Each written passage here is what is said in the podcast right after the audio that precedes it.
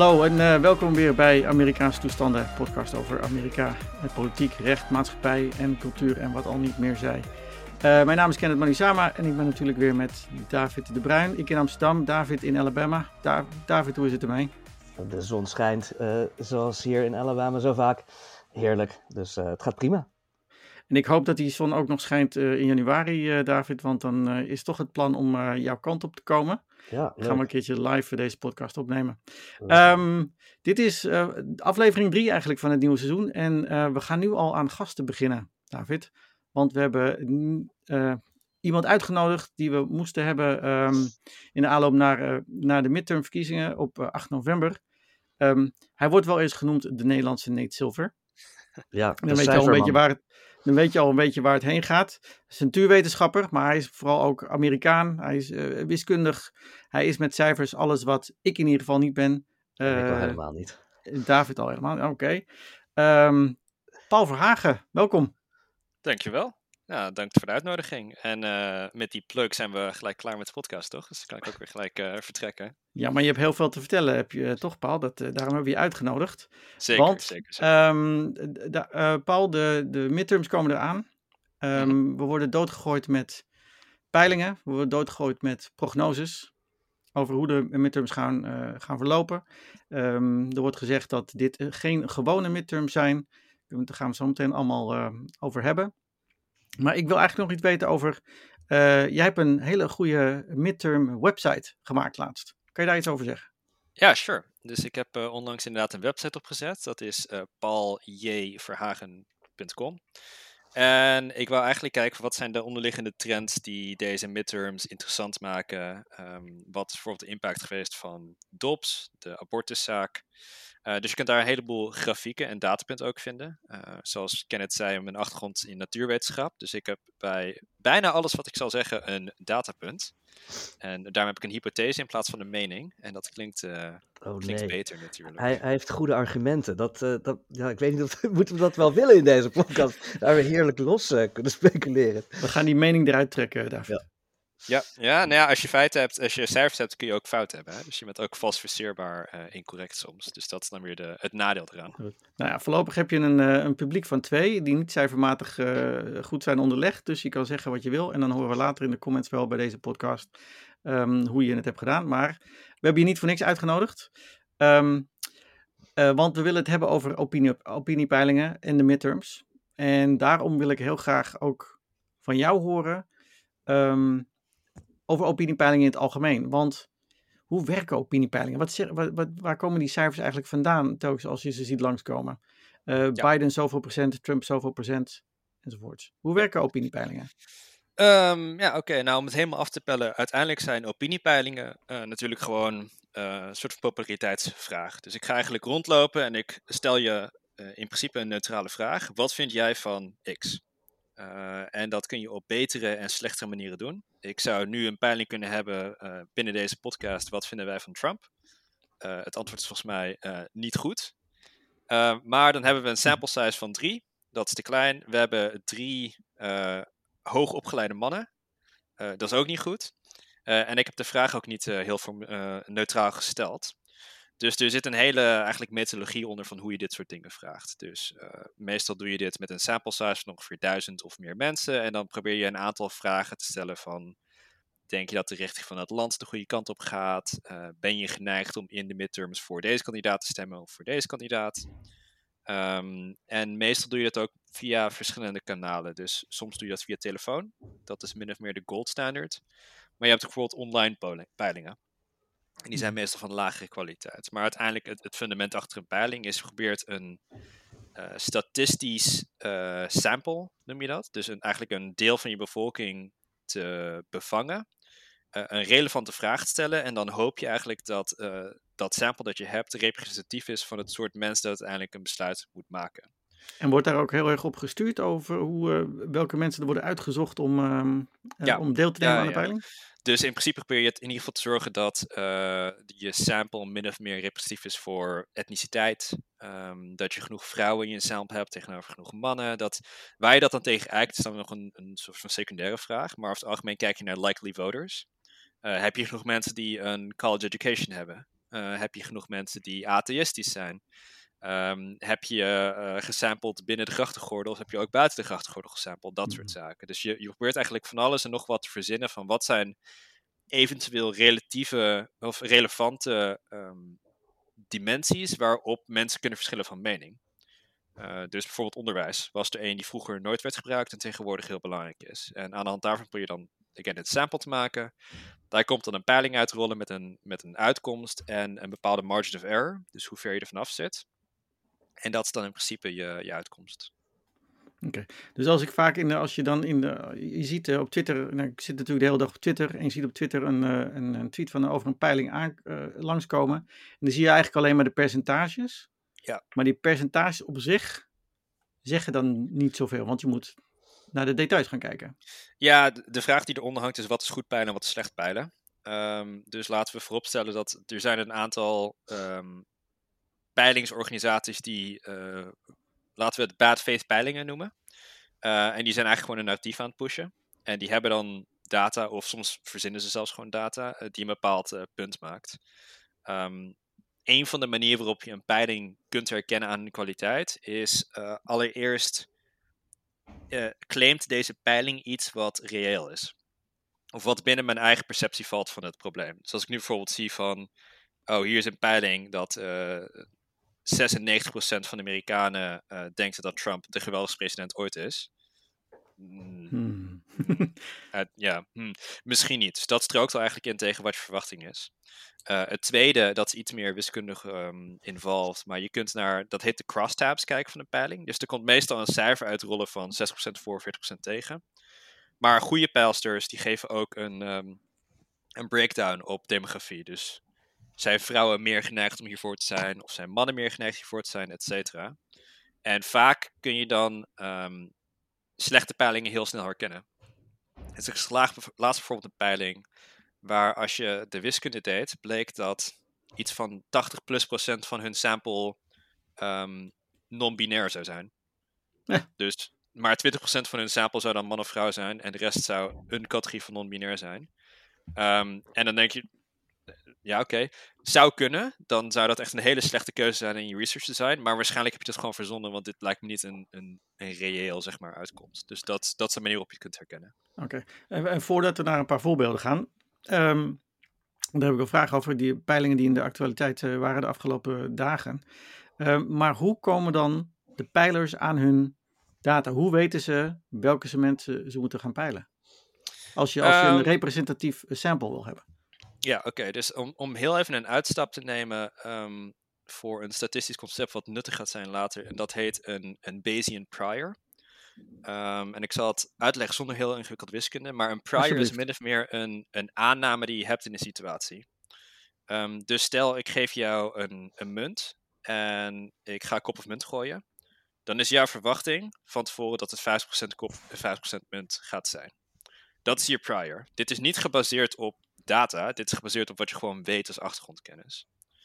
Um, als ik je nu die munt laat zien en hij blijkt dat hij aan één kant dikker is dan aan de andere kant en hij voelt een beetje vreemd aan en hij is niet helemaal gebalanceerd, dan zul je waarschijnlijk zeggen, ja, ik denk niet meer dat het 50-50 is voor kop of munt.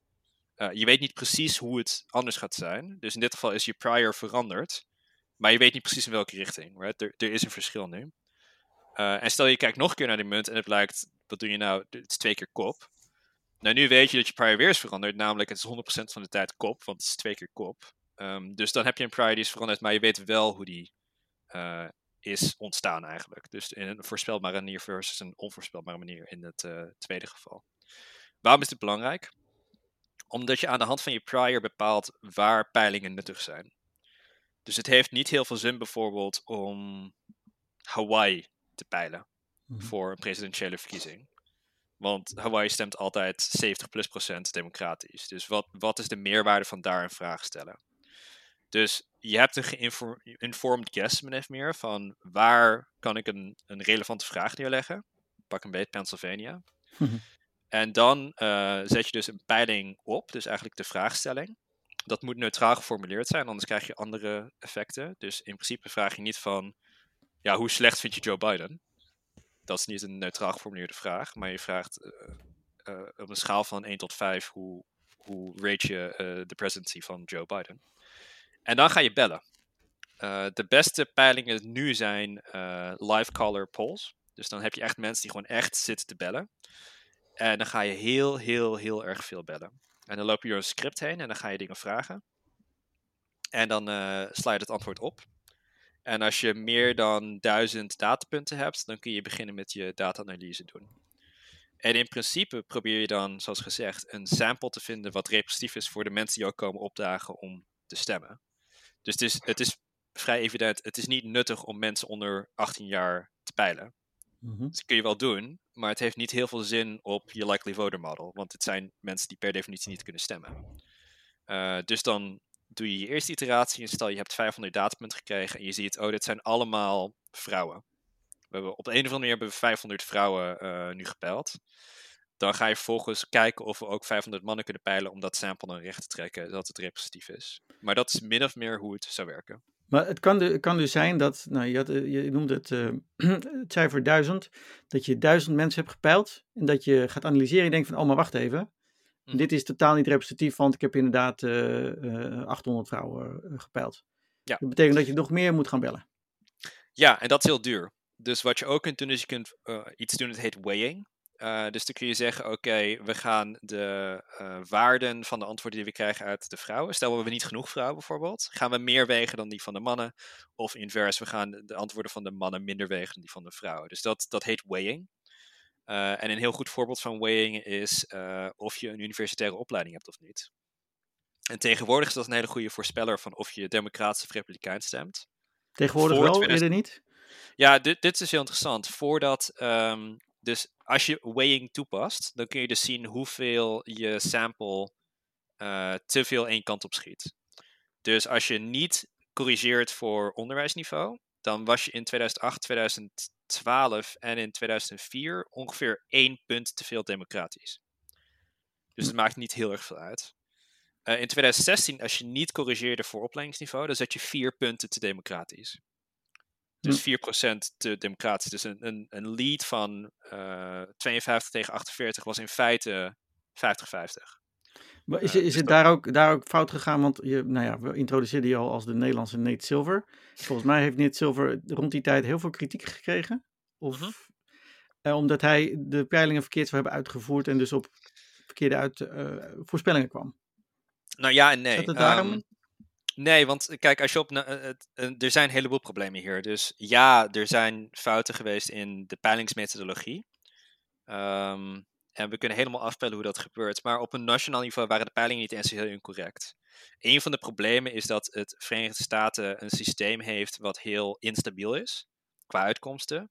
Dus een hele kleine peilingsfout in uh, bijvoorbeeld Pennsylvania kan leiden tot een 20 punten swing in Electoral College. Dus je hebt hele soort van vreemde uitkomsten.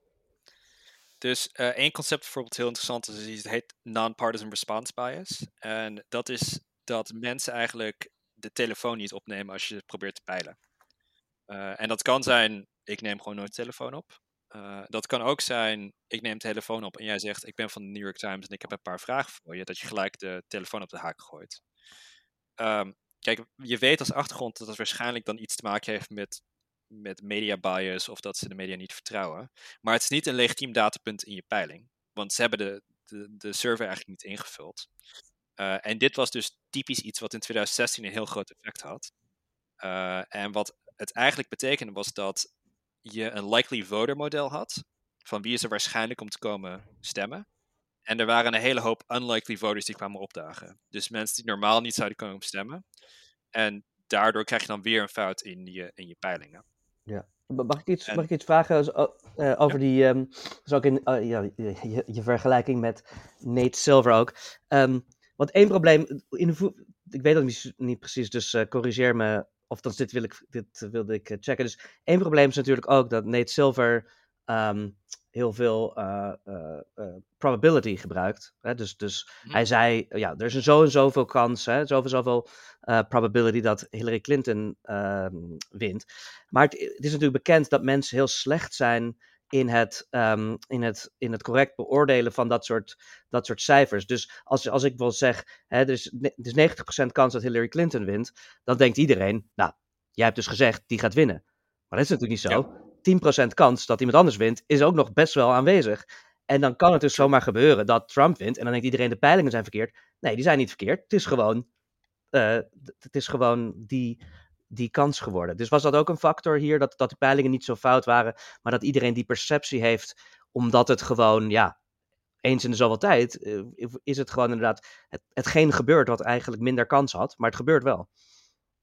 Ja, nee, dit, dit was zeker een, een factor. En uh, kijk, het hangt er vanaf hoe je het formuleert. Als ik zeg er is een 90% kans dat je het overleeft, dat komt heel anders over dan er is een 10% kans dat je doodgaat. Ja. Um, dus mensen zijn heel slecht in percentages. In het geval van, van 2016 was het ook zo dat er heel veel mensen waren die eigenlijk naar de peilingen keken en zeiden: Oh, het is 9% kans dat Hillary gaat winnen.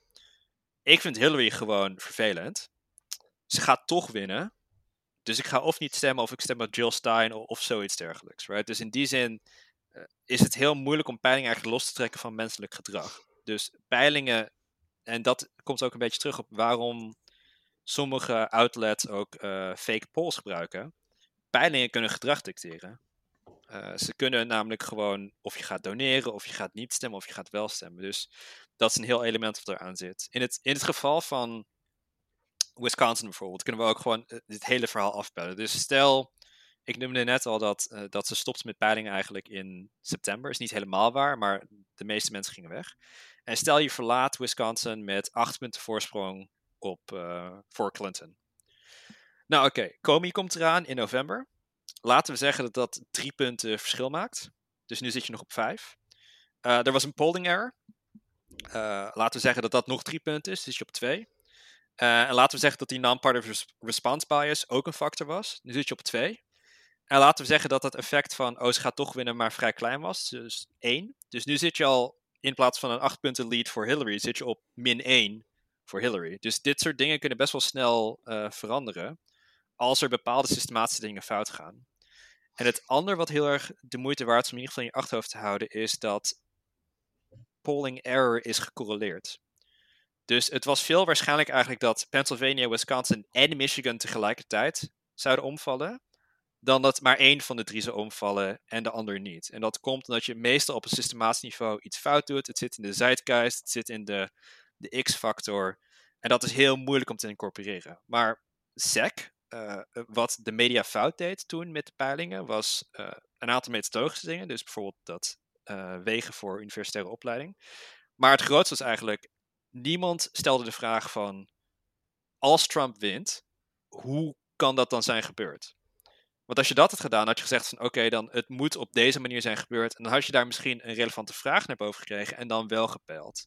Dus failure of imagination in die zin. Uh, even, dit is, dit is een, een, terugblik naar het trauma van 2000, uh, 2016.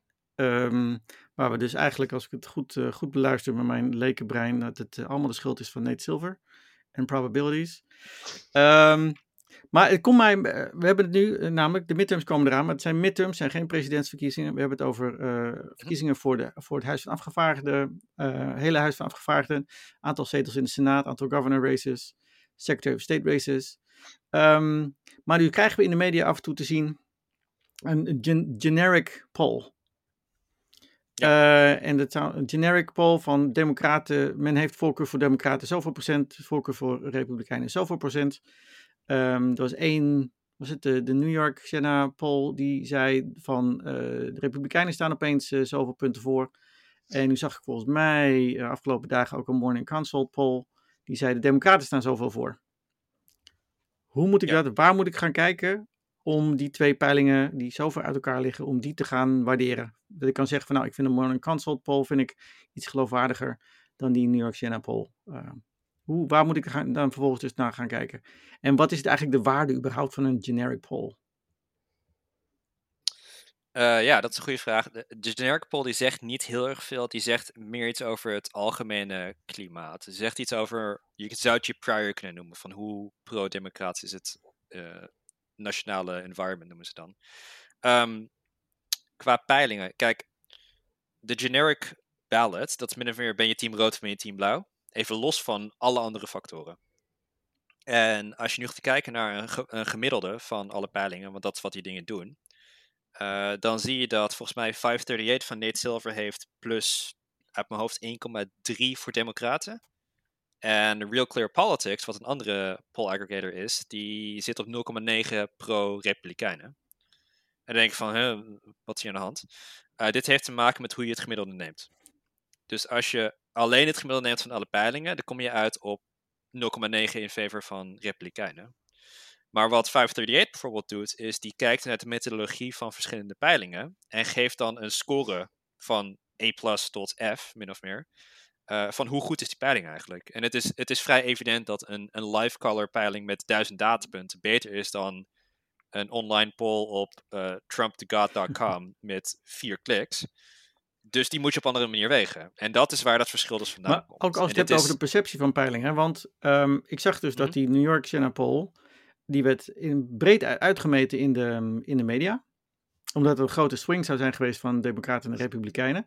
Maar toen ben ik dus al gaan kijken, omdat ik een cijfertje onderaan zag staan eh, in de tweet, dat er maar 792 mensen waren gepeild. Dat er bij Morning ja. Consult Poll, er waren er 3000 mensen gepeild. Dus dat is al dan een eerste alarmbel? Ja, dus sample size is sowieso een ding. En is het de national poll of is het de lokale poll? Right? Um, for better or for worse, de Amerikanen doen niet aan national polls. Het maakt geen klap uit wat je popular vote is. Het maakt uit waar mensen stemmen. Dus dan kun je wel, uh, dan kun je wel over het hele land gaan lopen uh, peilen, maar dat heeft eigenlijk heel erg weinig zin. Um, wat me ook trouwens opviel aan de New York Times poll was dat er een heel groot uh, segment zat tussen de 40 en de 60 volgens mij. Dus boomers of Gen X of hoe je het ook wow, ik ben geen boomer. Wow, um, wow, wow. Pijnlijk, pijnlijk dit. Gen X, laten we Gen X noemen. Um, en dat die overweldigend de Republikein waren. En wat daarop wijst eigenlijk van, het zou kunnen hier dat je misschien een oversample hebt genomen van die cohort. En dat die specifiek veel Republikeiner waren dan de andere cohorten. Want bijvoorbeeld 65 plus was dan weer pro-democratisch. Dus uh, dat soort dingen moet je dan ook meewegen. En eigenlijk is het onbegonnen werk om iedere peiling af te pellen. Uh, want dan zou je moeten kijken wat is de methodologie, dat zaken. Dus dat, dat is waarom je dat gemiddelde okay. neemt. Ja. En je hebt altijd outliers. Zelfs in 2016 waren er ook peilingen die zeiden uh, Trump gaat winnen. Right? Er was er gewoon een die plus 4 Trump had. Uh, dus je neemt het gemiddelde, je probeert dat te wegen als dat kan. En dan ga je daaraan verder. Okay. Ja, mag, mag ik je iets vragen? Proberen de, dus je noemde de Real Clear Politics poll en je had over de Shanna poll, je hebt natuurlijk je Marquette volgens mij.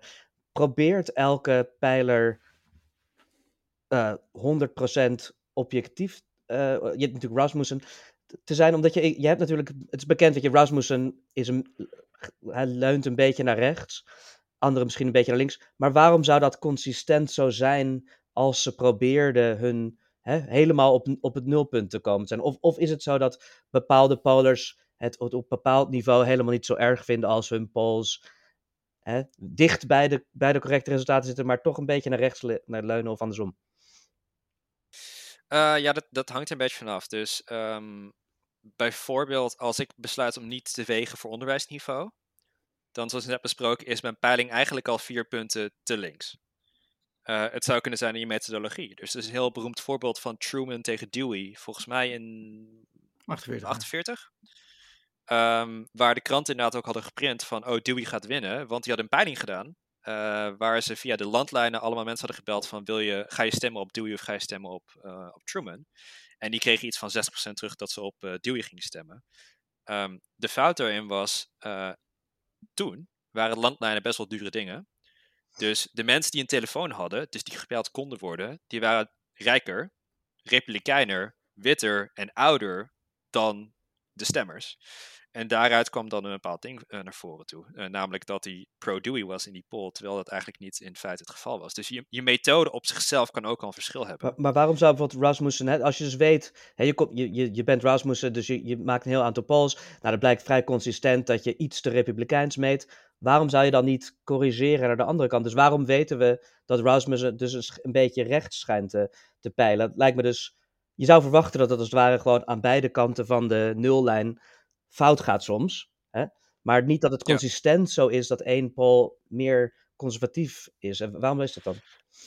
Nou, dat, dat, is, dat is dus de systematiek van hoe je dit doet. Eh, je methode kan dat dus, dit dus teweeg brengen. Het, het kan zijn dat je een bepaalde branding ook al hebt. Dus als je de New York Times bent, dan word je gezien als linkser. Dus misschien hangen mensen op. Het zou kunnen dat je formulering van je vraag iets anders is. Uh, dus bijvoorbeeld, uh, ben je favorable richting single-payer healthcare? Of hoe slecht vind je het idee van single-payer healthcare? Dat kan al verschil teweeg brengen. En peilingen is echt super duur. Hè? Dus uh, het is min of meer, je moet uh, een paar uh, dozijn mensen aannemen die dan maar de hele dag lopen te bellen. Dus het is niet super goedkoop. Dus soms, er zijn manieren waarop je het beter zou kunnen doen, maar het zou ook heel duur kunnen zijn. Okay. wat misschien ook wel aardig is om over na te denken is, um, dus ik noemde net al non-partisan response bias. Er zijn mensen die gewoon niet opnemen. Dus die mensen zijn in feite niet te peilen. Uh, en er is eigenlijk geen manier waarop je een interactie met ze kunt aangaan waarop je ze wel kunt bevragen. Want ze zijn super anti-media of voor wat voor reden dan ook. Dus er zijn ook nieuwere methoden waar je bijvoorbeeld naar zoekgedrag gaat kijken op Google. Dus een soort van indirecte variabelen waarmee je dan probeert te bepalen um, waar, waar, je je stemgedrag uit probeert te extrapoleren. En soms kan dat. Uh, maar dat staat nog iets meer in de kinderschoenen. Oké dan. Um, als je nou, als je nou echt in, uh, om de, we zijn al behoorlijk lekker aan het uitweiden over uh, peilingen. En ik denk dat we echt een goed beeld hebben van hoe peilingen nu werken. Dus daarvoor dank. Maar als je nou aan de gemiddelde Nederlander moet, uh, moet zeggen van nou, als je een poll ziet, um, dan moet je hem op deze manier gebruiken. Kan je dat in, in, in twee zinnen of drie zinnen kunnen zeggen? Of wordt dat dan te ingewikkeld? Um, ja, kijk, je kunt, je kunt in ieder geval een evaluatie maken van is dit een, een valide datapunt of niet. Uh, dus je kunt eerst kijken, zoals ik net zei, strookt wat deze peiling zegt eigenlijk überhaupt een ervaring? Um, het tweede is, is dit een outlet die een bepaalde winst hierbij heeft? Dus als nu inderdaad de, de Dr. Oz campagne zegt, oh, Dr. Oz ligt 60 punten voor. Ja, oké, cool. Um, kun je zeggen, maar daar uh, weeg je niet heel veel aan. Uh, en je kunt naar een gemiddelde kijken. Je beste optie is uiteindelijk om naar een gemiddelde te kijken. Uh, puur omdat individuele peilingen het ook gewoon fout kunnen hebben. Ja. Uh, soms. Kijk, er was geloof ik een studie dat mensen op dinsdagen minder geneigd zijn om je telefoon op te nemen. Uh, en dat is niet uniform verdeeld. Right? er zijn ook studies dat rechters bijvoorbeeld meer geneigd zijn om ja te zeggen tegen appeals na de lunch dan net voor eten, omdat ze honger hebben. Dus menselijk gedrag is ook gewoon variabel. Dus uiteindelijk meer data, meer samples, meer peilingen als gemiddelde, dat is je oplossing. Dus ik zou vooral naar een aggregator kijken, Real Clear Politics of um, ehm, 538. Okay. Met de caveat dat de, de nationale poll, de generic ballot, niet zo heel veel zin heeft. Heel goed. Um, en, en, voordat we eigenlijk de, gaan kijken naar hoe de Democraten en Republikeinen um, uh, ervoor staan in verschillende belangrijke races. Um, volgens jou, wat voor, wat voor thema's speelden nou in deze midterms? Zijn dit zeg maar normale midterms waar um, de, de partij die het Witte Huis in handen heeft sowieso gaat verliezen? Zijn er andere thema's nu uh, bezig dan, dan normaal gesproken? Hoe, zij, hoe zie jij nu deze, deze 8 november die eraan komt? Ja, dat is een goede vraag. Um, kijk, je prior is hoe dan ook um, dat de partij die het Witte Huis heeft uh, gaat verliezen. Dat is eigenlijk in iedere midterm is dat gebeurd met twee uitzonderingen. En gemiddeld verliezen ze 20 zetels, geloof ik. Maar in 2010 verloren ze, geloof ik, richting de 60 of 70 zetels. Dat was toen Obama's eerste termijn. Dus dit kunnen echt vrij forse dingen zijn. Uh, het ziet er niet super goed uit voor de, Republikeinen of voor de Democraten in het huis. Het ziet er oké uit in de Senaat. En het is een, ja, is de normale Nee, het is niet de normale midterms, omdat überhaupt het feit dat we het moeten hebben over wie gaat er winnen, is al tekenend voor wat voor een bizar klimaat we eigenlijk inzitten. En als je echt de hele geschiedenis wil aflopen, dan. Je veronderstelling is dat Republikeinen gaan winnen, want ze zijn oppositie. Dat, dat zou dan ook het geval moeten zijn. En voor de zomer was dat inderdaad ook het geval. En toen is er eigenlijk een hele hoop gebeurd tijdens de zomer, die min of meer de strategische uh, poten van de Republikeinse Partij eronder heeft geschopt. Dus dat was abortus, dus Dobbs, was een ding. Uh, Mar-a-Lago, de FBI-raid, was een ding. En er was relatief goed economisch nieuws. Um, en die dringen, die dringen zorgt eigenlijk voor dat er optimisme, hoop misschien ijdele hoop was onder de Democraten voor ook de, tijd. de wetgeving die werd aangenomen door, door het congres. Ja, precies. De CHIPS Act, de, de Student Loan Inflation Act. Reduction Act. Er is Inflation Reduction Act, et cetera. Dus al, er waren redenen voor. En nu zitten we dicht tegen de verkiezingen aan. En het is altijd zo dat de peilingen dan weer naar elkaar toe lopen. En dat komt omdat undecided nu beginnen te bepalen wat ze willen doen. Maar het is eigenlijk hoe dan ook 40% stemt democraat, 40% stemt republikein. Wat doet het 20% midden? Dat is min of meer de vraag. En, en die, uh, want je noemde, Kenneth noemde de Inflation Reduction Act. Maar mm wat, wat is jouw mening? Sommigen zien als het natuurlijk in die inflation die door de, die door de uh, energiecrisis is gekomen, een soort inflectiepunt. Hè, dat, dat eigenlijk sindsdien de Republikeinen, hè, door de, door, dat het economische nieuws althans wat minder goed lijkt. Uh, heb, heb jij dat gevoel? Dus, dus is, is dat een reden dat er misschien weer een beweging terug is? Of denk je gewoon, nee, dat is gewoon, we komen dichter bij de midterms, dus dingen trekken naar elkaar toe. Dat is het enige wat we kunnen zeggen. Een beetje van beide. Dus ze trekken sowieso naar elkaar toe. En uiteindelijk, eh, wat met name belangrijk is voor ons politieke junkies, uh, het merendeel van de populatie is altijd non-politiek. Het interesseert ze gewoon geen klap. Uh, ze vinden het niet leuk om te volgen, ze willen het niet volgen. en dan is inderdaad economie is gewoon een heel duidelijk ding. Oh, mijn benzine is zoveel duurder. Dus over het algemeen, en dat deed Bill Clinton ook, it's the economy stupid, zijn economische overwegingen zijn meestal leidend.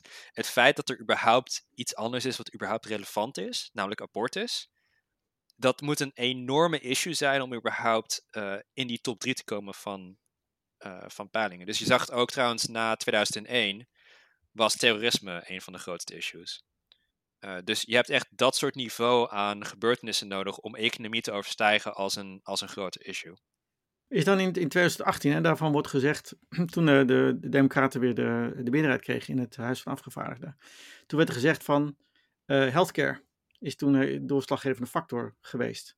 Maar als ik jou zo beluister, inderdaad van mijn eigen uh, lezen en volgen, zegt me inderdaad van it's the economy stupid. Um, is het dan niet helemaal waar dat in 2018 healthcare en het gevaar van dat Obamacare helemaal weg zou vallen, is dat dan niet waar geweest? Uh, ja, maar dat zit ook verbonden aan het feit dat Trump Trump is. Um, dus uh, wat dat betreft was 2018 eigenlijk een, een klassieke midtermverkiezing. Namelijk, ja, de president vind ik vervelend, dus ik stem op die andere kleur. Dat is eigenlijk ook wat er in 2010 is gebeurd met Obama. Dus dat, wat dat betreft was dat heel normaal. En is eigenlijk dit jaar heel vreemd. Want er is een soort van ontkoppeling tussen Bidens eigen approval rating en hoe mensen stemmen op democratisch niveau. En dat is een relatief nieuw fenomeen. Uh, dus het was vroeger dat je altijd zei van oké, all, politics is local. En toen was de tijd van oké, all politics is national, want alles wordt eigenlijk opgezogen in die draaikolk van gewoon BS die uit Washington komt onder Trump. En nu is het ineens weer van oké, ja, misschien is politics toch weer local. Uh, dus het is een soort van ja, of je het reversion to the mean wil noemen of gewoon weer ja, politieke zwaartekracht die, die zijn werk doet. Um, het zijn vreemde tijden. Ik bedoel, het zijn ook sowieso mondiaal gewoon vreemde tijden. Dus het is ook niet heel gek dat in een tijd van ja, instabiliteit zijn mensen sowieso geneigd om conservatief te stemmen. Behoud van wat bestaat in plaats van verandering. Dus het, het zou me niet heel, heel erg verbazen als dat uh, een impact heeft. Ja.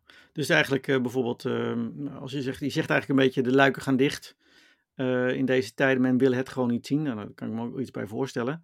Dus een, zoiets als Oekraïne of ja. de January 6th Commission en de, het vermeende gevaar voor de democratie, waar ik altijd heel erg naar zit te kijken. Um, daar wordt eigenlijk daar wil men eigenlijk niet aan. Om, nou, het staat wel dat, aan de top. Dat mee te wegen. Right. Maar één, één ding met peilingen is, je kunt vragen van, um, Vind jij dat democratie in gevaar is? En dan kun je ja of nee zeggen. Maar de echte vraag is: in hoeverre vind jij het belangrijk dat democratie onder gevaar staat?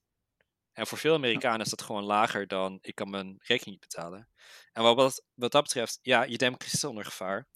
Uh, dat is een relatief langer termijn probleem. Dat is een, een probleem van fascisme en verval en, en dat soort zaken. Maar als ik mijn rekening niet kan betalen, dan heb ik binnen twee weken een probleem. En ook echt een imminent probleem wat niet meer oplosbaar is. En dan maakt het eigenlijk klap meer uit of ik kan stemmen of niet, want ik heb geen huis meer.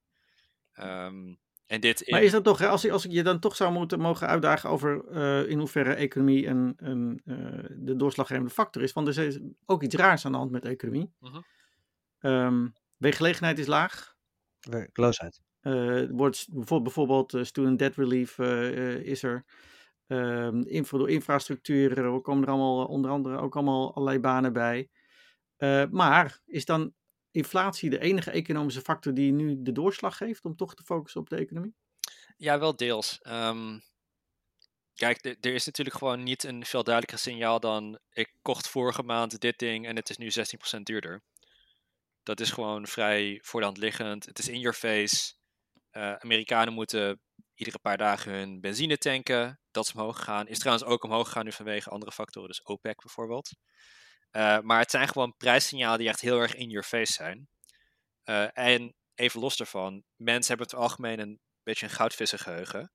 Um, dus ze, ze indexen heel erg over van, is het nu vervelender dan vorige week, dan, dan et cetera. Dus als je wat dat betreft de vraag formuleert van, ben je nu beter af dan twee jaar geleden? Ja, evident, want we zaten in het midden van COVID. twee jaar geleden was echt, echt super, super vervelend. Right? Het is echt onderste percentiel van wat er, wat er zou kunnen. Maar er is een onderdeel van de Amerikaanse bevolking die zegt van ja, maar COVID, dat, dat, daar wil ik niet meer aan denken. Dat was allemaal net. Ja, dat is lang geleden. Allemaal... Ja, dat is allemaal voorbij. Ja, nu is mijn steek uh, 16% duurder. Dus ja. ja. mensen die indexen heel erg op, op, op inderdaad pocketbook issues. En daar komt natuurlijk nog eens bij dat uh, het, het voelt gewoon mondiaal, en dat voel je ook hier in Europa aan. Het voelt gewoon onstabiel aan. Het voelt alsof dingen op keerpunten staan. Het voelt alsof dingen op omvallen staan. Uh, en ook als je even naar de geopolitiek kijkt. Uh, China is minstens zo onrustig sinds Tiananmen Square. Als niet de ja. culturele revolutie. Amerika is minstens zo onrustig als de burgerrechtenbeweging. Als niet de burgeroorlog. Rusland is Eens. zo onstabiel als, I don't know, val van de Sovjet-Unie of zoiets. Dus uh, het voelt ook heel erg aan van waiting for the other shoe to drop is min of meer de, de, het gevoel dat mensen krijgen. Ja, dat kan ik me goed, uh, goed voorstellen. En het lijkt, op, het lijkt altijd bij elke verkiezing, en misschien uh, dan, dan geef ik mijn eigen bias weer weer, um, dat de Democraten altijd de partij zijn die als het ware de kiezer willen wakker schudden van ja, maar kijk, één, wat we allemaal hebben gedaan, oh maar kijk, het gaat best de goede kant op, maar word nou eens wakker. Terwijl, als ik ook jou zo beluister en naar mijn eigen, eigen uh, inzicht kijk, dan denk ik van ja, inderdaad op een gegeven moment gaan de luiken dicht bij de Amerikanen en wordt het een, een kwestie van perceptie en kan je, kan je roepen van uh, al 200 dagen is de, is de benzineprijs aan het zakken.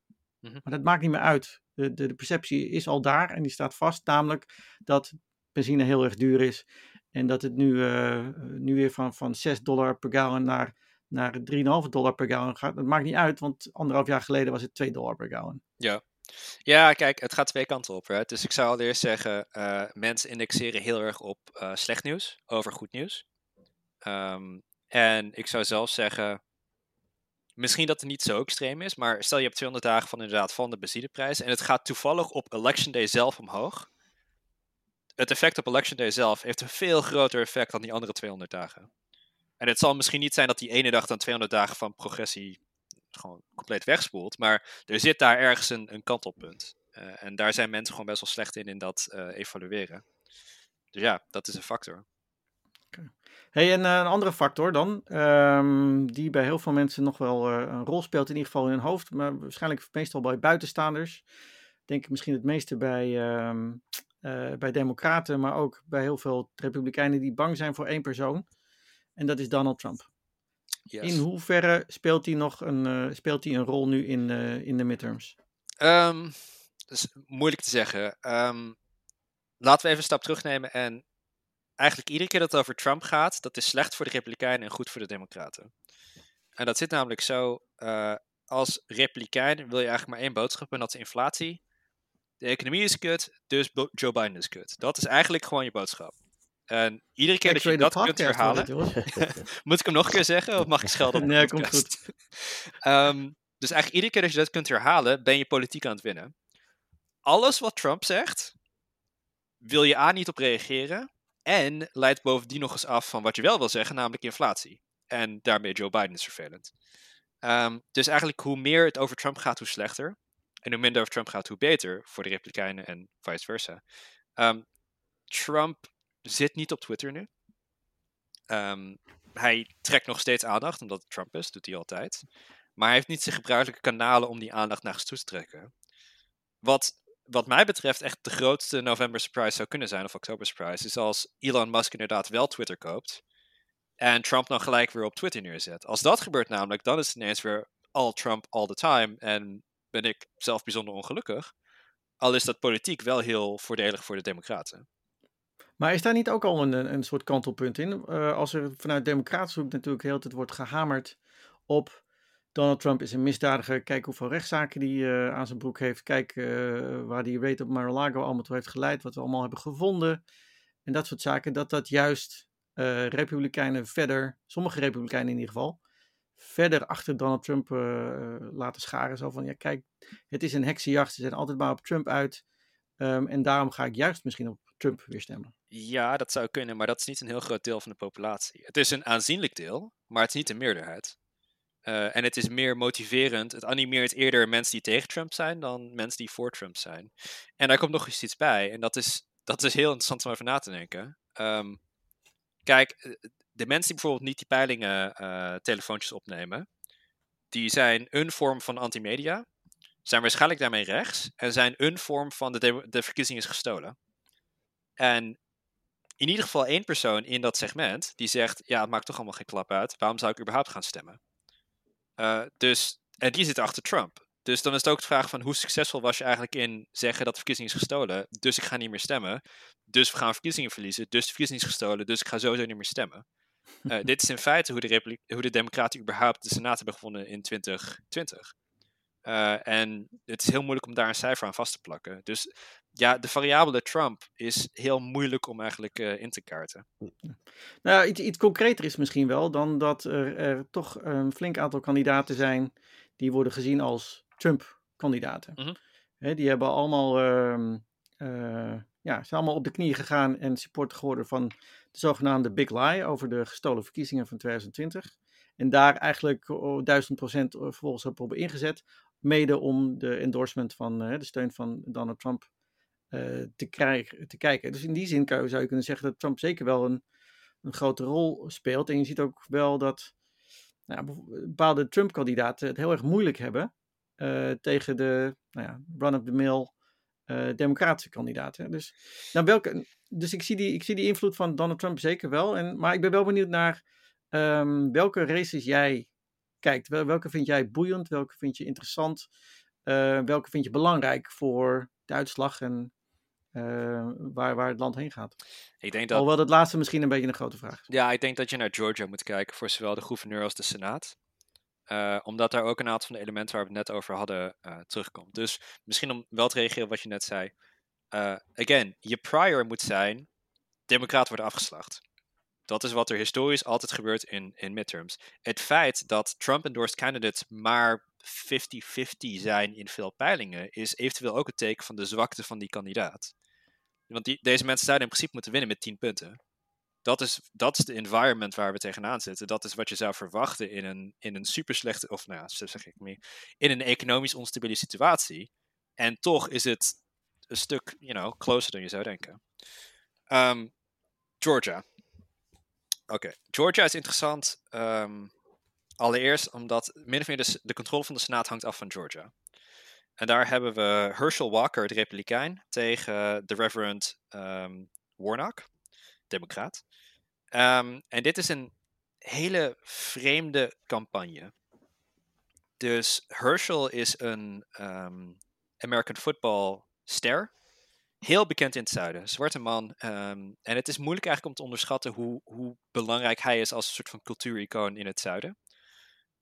Maar hij is een hele slechte kandidaat. Uh, hij is A. Vrij dom. Understatement zou ik zeggen. Ja, ik bedoel, zelfs, zelfs Mitch McConnell zei dat hij slecht kandidaat was. Dus dat, dat zal veel zeggen. Uh, A. Hij is vrij dom. Um, B. Hij, nou, ik bedoel, je kunt kijken. Je kunt er zelf van besluiten. Hij, is niet, hij komt niet als intelligent over. Laat ik het zo formuleren. Um, en hij is een slechte campaigner, hij heeft geen politieke ervaring en hij komt ook over als heel hypocriet. Dus hij is bijvoorbeeld een van de enige Republikeinen die echt een heel agressief anti-abortus standpunt heeft. Um, wat een politiek slechte strategie is, want de meeste mensen zijn pro-choice in de VS. Maar heeft dan ook nog eens betaald voor de abortus van een aantal van zijn minnaressen. Dus er zit een hypocrisie-element in. Hij heeft ook op de campaign trail heel vaak gezegd, en dat was een, een poging om zwarte stemmers achter, achter zich te krijgen, dat een van de problemen in de zwarte gemeenschap is dat te veel uh, kinderen zonder vader opgroeien. Met name zwarte vaders. Dus zijn pleidooi is eigenlijk van zwarte mannen, neem je verantwoordelijkheid, bla bla bla. En dan blijkt hij zelf vier kinderen te hebben met andere vrouwen waar hij gewoon nooit naar heeft omgekeken. Dus een element van hypocrisie zit daar gewoon in. Um, het is relatief close, maar het lijkt er nu op dat Warnock gaat winnen, de Democraat. En dat wijst ook op een ander interessant probleem als Republikeinse strateeg. Namelijk, Georgia is relatief conservatief. Uh, ja, het heeft gestemd voor Joe Biden in 2020, maar dat was relatief ongewoon. Maar een element van de Amerikaanse bevolking is racistisch. weet niet hoeveel. Laten we zeggen 1 of 2 procent. En laten we zeggen dat dat percentage relatief hoog is onder uh, Republikeinen. Ze hebben twee zwarte mannen als kandidaat. We hebben Warnock en we hebben uh, Herschel. Er zullen een aantal Amerikanen zijn, Georgians, die zeggen: Ik stem niet op een zwarte senaatkandidaat. En dat hoeven er niet gek veel te zijn voordat dat groot genoeg is om de marge um, te veranderen. De marge in, in 2020 was volgens mij 20.000 stemmen in, uh, in Georgia. En dat is een heel onaangenaam ding om over na te denken, maar dat is zeker een factor in, in dit soort races als de, de marge zo klein is.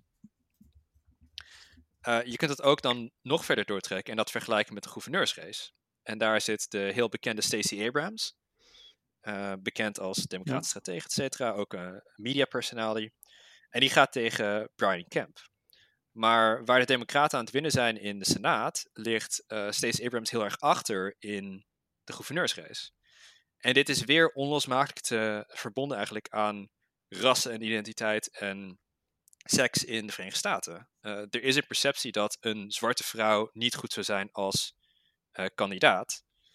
En er zijn een aantal de Republikeinse stemmers, of in ieder geval uh, centrist stemmers, die voor Joe Biden hebben gestemd, omdat ze um, Trump niet aangenaam vonden.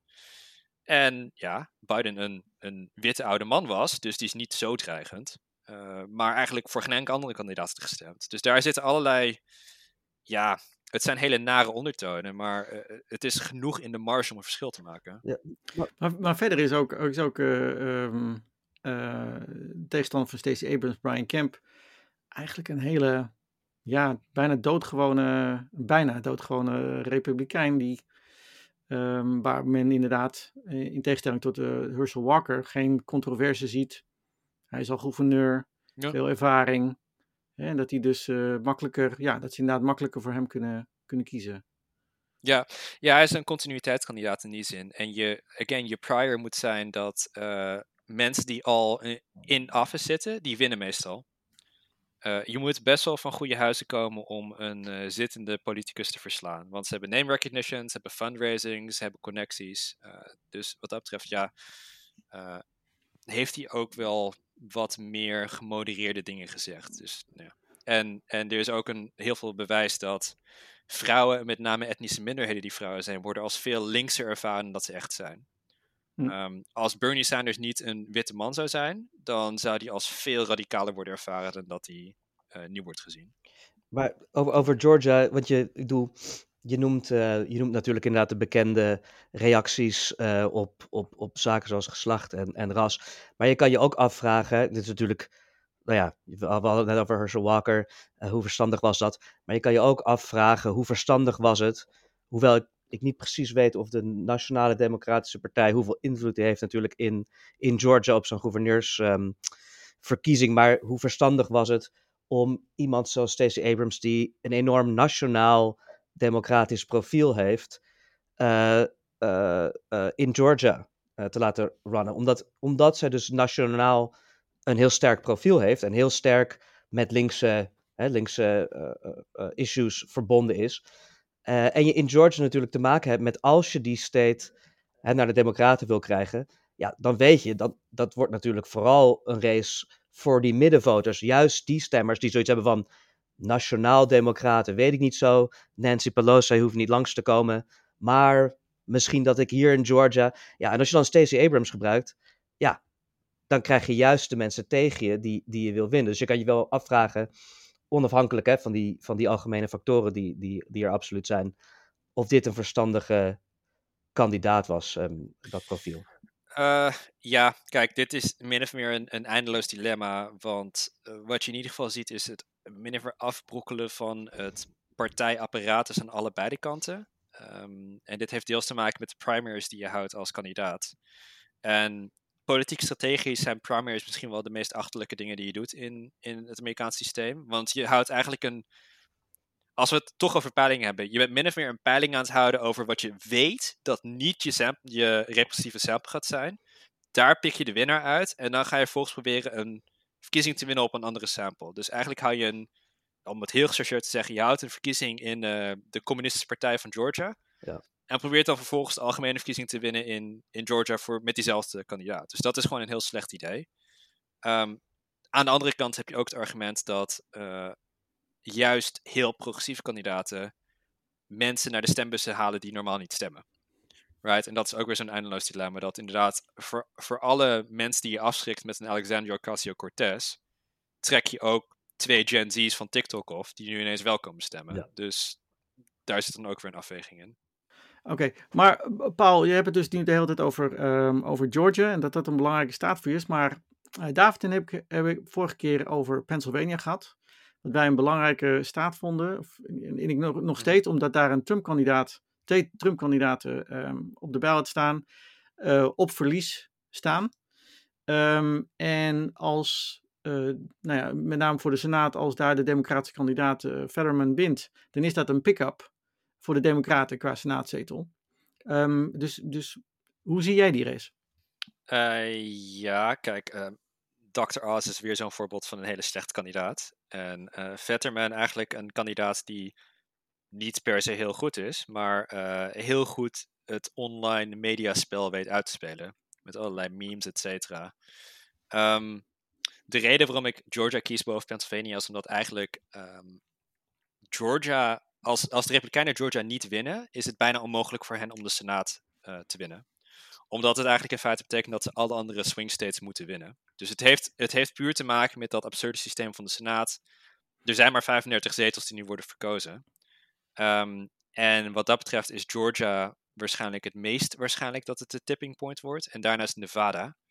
Uh, Pennsylvania lijkt betrekkelijk safe. Even, you know, knock on wood. En er kan een polling error zijn. En God knows what else. Um, maar Pennsylvania ligt verder af van het, het omslagpunt vandaar. Maar een interessante race. Um, voorbeeld van uh, een carpetbagger. Dus dat is, carpetbagger is de term voor iemand die niet in de staat woont, dan toevallig even naar een staat toe vliegt, daar dan quote-quote woont. En dan maar daar even kandidaat wordt. Um, ja, wat dat betreft was Dr. Oz inderdaad een hele, een hele slechte kandidaat. Met uh, nee. huis in, in Jersey. En ja, precies. Totale disconnect met de, de gewone man in, uh, in Pennsylvania. Heb je dit al over de crudité-affaire gehad? we hebben het over de crudité-affaire gehad. En daar gaat hij het einde van nog niet horen, denk ik, voor lange tijd. Ja. Hey, maar ik wilde ook even, we hebben het nu over de Senaat gehad. Uh, maar het Huis van Afgevaardigden wordt in zijn geheel herkozen. Ja. Um, waar zie jij, waar let jij op? Welke races heb je, hou je in de peiling? No pun intended. Allereerst, uh, het huis ziet er super, super slecht uit voor de Democraten. En dat heeft deels te maken met uh, gerrymandering. Dus er zijn structurele factoren waarom het huis heel moeilijk is. Um, gerrymandering is de manier waarop je districten kunt trekken, waarop je een voordeel hebt op bepaalde verkiezingen. En de Republikeinen zijn daar heel agressief in geweest. Dus die, die gaan dat gewoon winnen. Um, normaal gesproken zou je zeggen: oké, okay, uh, een interessant huisdistrict zou bijvoorbeeld zijn een district wat voor Trump heeft gestemd. Um, uh, of voor Biden heeft gestemd en daarna voor Glenn Youngkin heeft gestemd, bijvoorbeeld in Virginia. Uh, dus dat, dat je eigenlijk een soort van inherent een soort van contradictie hebt tussen, ja, maar je hebt rood en toen blauw gestemd. Dus Abigail Spanberger in Virginia 7 is daar een voorbeeld van. Het probleem dan is weer is dat 2020 is een redistricting year geweest. Dus er zijn bijna geen huisdistricten die nog dezelfde grenzen hebben als uh, in 2020. Dus het is ook heel moeilijk om die vergelijking te trekken, omdat al die districten eigenlijk zijn veranderd. Um, maar je kunt wel een aantal districten verzinnen. Volgens mij California 27. Waar als die uitslag binnenkomt, is dat tekenend voor de uitslag voor de hele avond. Omdat die districten worden bepaald op je polling error. Of op de fundamentals. Dus zeg maar hoe je fout zat in je priors. En omdat alles gecorreleerd is, is dat waarschijnlijk indicatief voor het hele land dan. Nou, we gaan het allemaal bekijken. Ehm, stel, het is, uh, het is uh, 9 november of 10 november als echt alle uitslagen. Oh ja, oh, maak je maar nat, want het wordt echt een week. Um... Ja, het wordt waarschijnlijk een week. Dat, dat, daar, daar gaan we inmiddels wel vanuit. Uh, dus eigenlijk kunnen we die week uh, bijzonder weinig uh, zeggen, maar we gaan het toch proberen. Als we aan peilingen doen, kunnen we ook wel, denk ik, aan, aan voorspellingen doen, lijkt me. Ehm, het is voor mij nog steeds, ik ga deze podcast rustig terugluisteren, zodat ik het nog een keer kan horen en nog meer kan leren. Um, Mag ik nog één, één vraag stellen? Of, wat ik nog wilde weten, heb je enige, heb je data over hoe, wat we zeggen, correspondent ten opzichte van de verwachting hoeveel uh, motivatie er ligt achter dat uh, abortus-issue. Want mijn gevoel, kijk, ik woon in Trumpland, dus aan, in mhm. Pittsburgh had ik veel meer aan mijn gevoel dan hier, want uh, dit, dit is altijd duidelijk.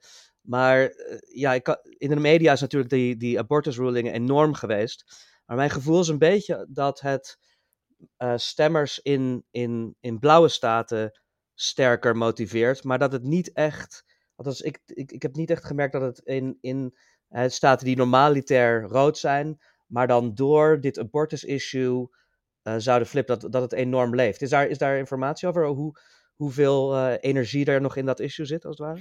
Ja, er is wel informatie over. Met name in uh, new voter registration. Dus het aantal mensen dat uh, is begonnen met registreren om te stemmen. En daarin zag je bijvoorbeeld dat in Kansas volgens mij 20% meer vrouwen registreerden dan mannen. Dus, en, en om het weer over die prior te hebben. Je verwachting zou zijn dat ongeveer gelijk aantal vrouwen en mannen zouden gaan. Uh, als je 70% mannen hebt, of vrouwen hebt en 30% mannen, is dat indicatief van iets. Dat wil dan natuurlijk niet zeggen dat al die vrouwen dan democratisch gaan stemmen. Maar in dat soort variabelen zie je het wel terug. En dit is ook typisch zo'n issue die op de marges juist in paarse staten een verschil zou maken. Um, in Alabama is iedereen vrij conservatief. Ja. Um, dus dat zou niet zo gek veel moeten uitmaken. Maar je kunt op mijn website veel meer lezen over dit issue. Uh, maar het is juist in staten als Virginia, die soms paars zijn, dat het wel een verschil kan maken. Okay. Uh, dan ga ik je toch, ondanks de, de, de, de interventie van uh, David, ga ik je toch proberen een, een scenario voor te leggen, Paul. Um, we, zullen, we zullen niet alle, alle combinaties doorgaan, maar eigenlijk is mijn vraag tweeledig. Namelijk, wat als, je toch, als we toch naar de peilingen kijken of als we gewoon koffiedik aan het kijken zijn. Wat verwacht jij? Een traditionele uitslag misschien. Uh, en wat zijn de implicaties daarvan? Uh, het meest waarschijnlijke scenario, en dat wat 538 zegt, is dat dat 70% kans is, is uh, dat de Republikeinen het huis winnen en dat de Democraten de Senaat behouden. Um, dat strookt ook min of meer met de geschiedenis. Meestal verlies je heel erg hard in het huis, maar de Senaat is iets robuuster. En wat dat zou betekenen is dat um, allereerst obstructionisme in het huis. Dus dingen als de January 6th Committee, dat is weg. Ik verwacht ook dat ze dan een, een comité opzetten over Hunter Biden, een soort van Benghazi-style ding. Dus maak je borst maar nat. Maar, cruciaal, de Democraten kunnen um, rechters blijven benoemen. En dat maakt wel heel erg een verschil. Uh, daar hebben ze geen Republikeinen voor nodig. Uh, en Joe Biden heeft volgens mij al 83 rechters benoemd, wat een record is. Heel veel vrouwen ook, heel veel etnische minderheden. Dus wat dat betreft kun je nog steeds die soort van langetermijn winst inboeken. Uh, maar je krijgt echt helemaal niks meer door het huis heen. Uh, dus dat is dan ja, weer een scenario waarin het Amerikaanse politiek systeem lam ligt in opbouwende crisistijden, waar je misschien niet lam zou moeten liggen. En dus gaan we dan vervolgens ook weer verder kijken naar 2024 als het voor het volgende, volgende verkiezingscircus. Want dan, dan blijft boven de markt. It never stops, inderdaad. Um, Paul, dankjewel voor deze hele verhelderende uitleg over de peilingen, over wat jij verwacht, waar je naar kijkt. En ik denk dat we goed gaan volgen waar jij het allemaal over hebt gehad en welke races bijvoorbeeld jij, jij naar kijkt. Uh, we hebben er denk ik heel veel aan gehad. Noem nog één keer je website waar mensen nog meer details over de midterms kunnen vinden. Ja, je kunt uh, me op Twitter vinden op Paul J. Verhagen. En mijn website is pauljverhagen.com, J van Julius. Um, en als je mijn naam intypt, dan zul je waarschijnlijk ook gewoon in Google het een en ander uh, vinden. Dus kom vooral kijken en tweet vooral dingen als, als je nog meer vragen of onduidelijkheden hebt. Hartstikke goed. En we gaan je ook denk ik nog zeker in de media zien, zoals je in het verleden al heel veel hebt, hebt gedaan. radio, tv, verwacht ik, je, verwacht ik je zeker. Dus daar kunnen mensen ook nog meer kennis gaan opdoen van jou. Paul, dankjewel. Graag gedaan. Bedankt voor de uitnodiging. David, we zien elkaar over twee weken. Sowieso. Oké. Dit was Amerikaanse toestanden. Tot de volgende keer.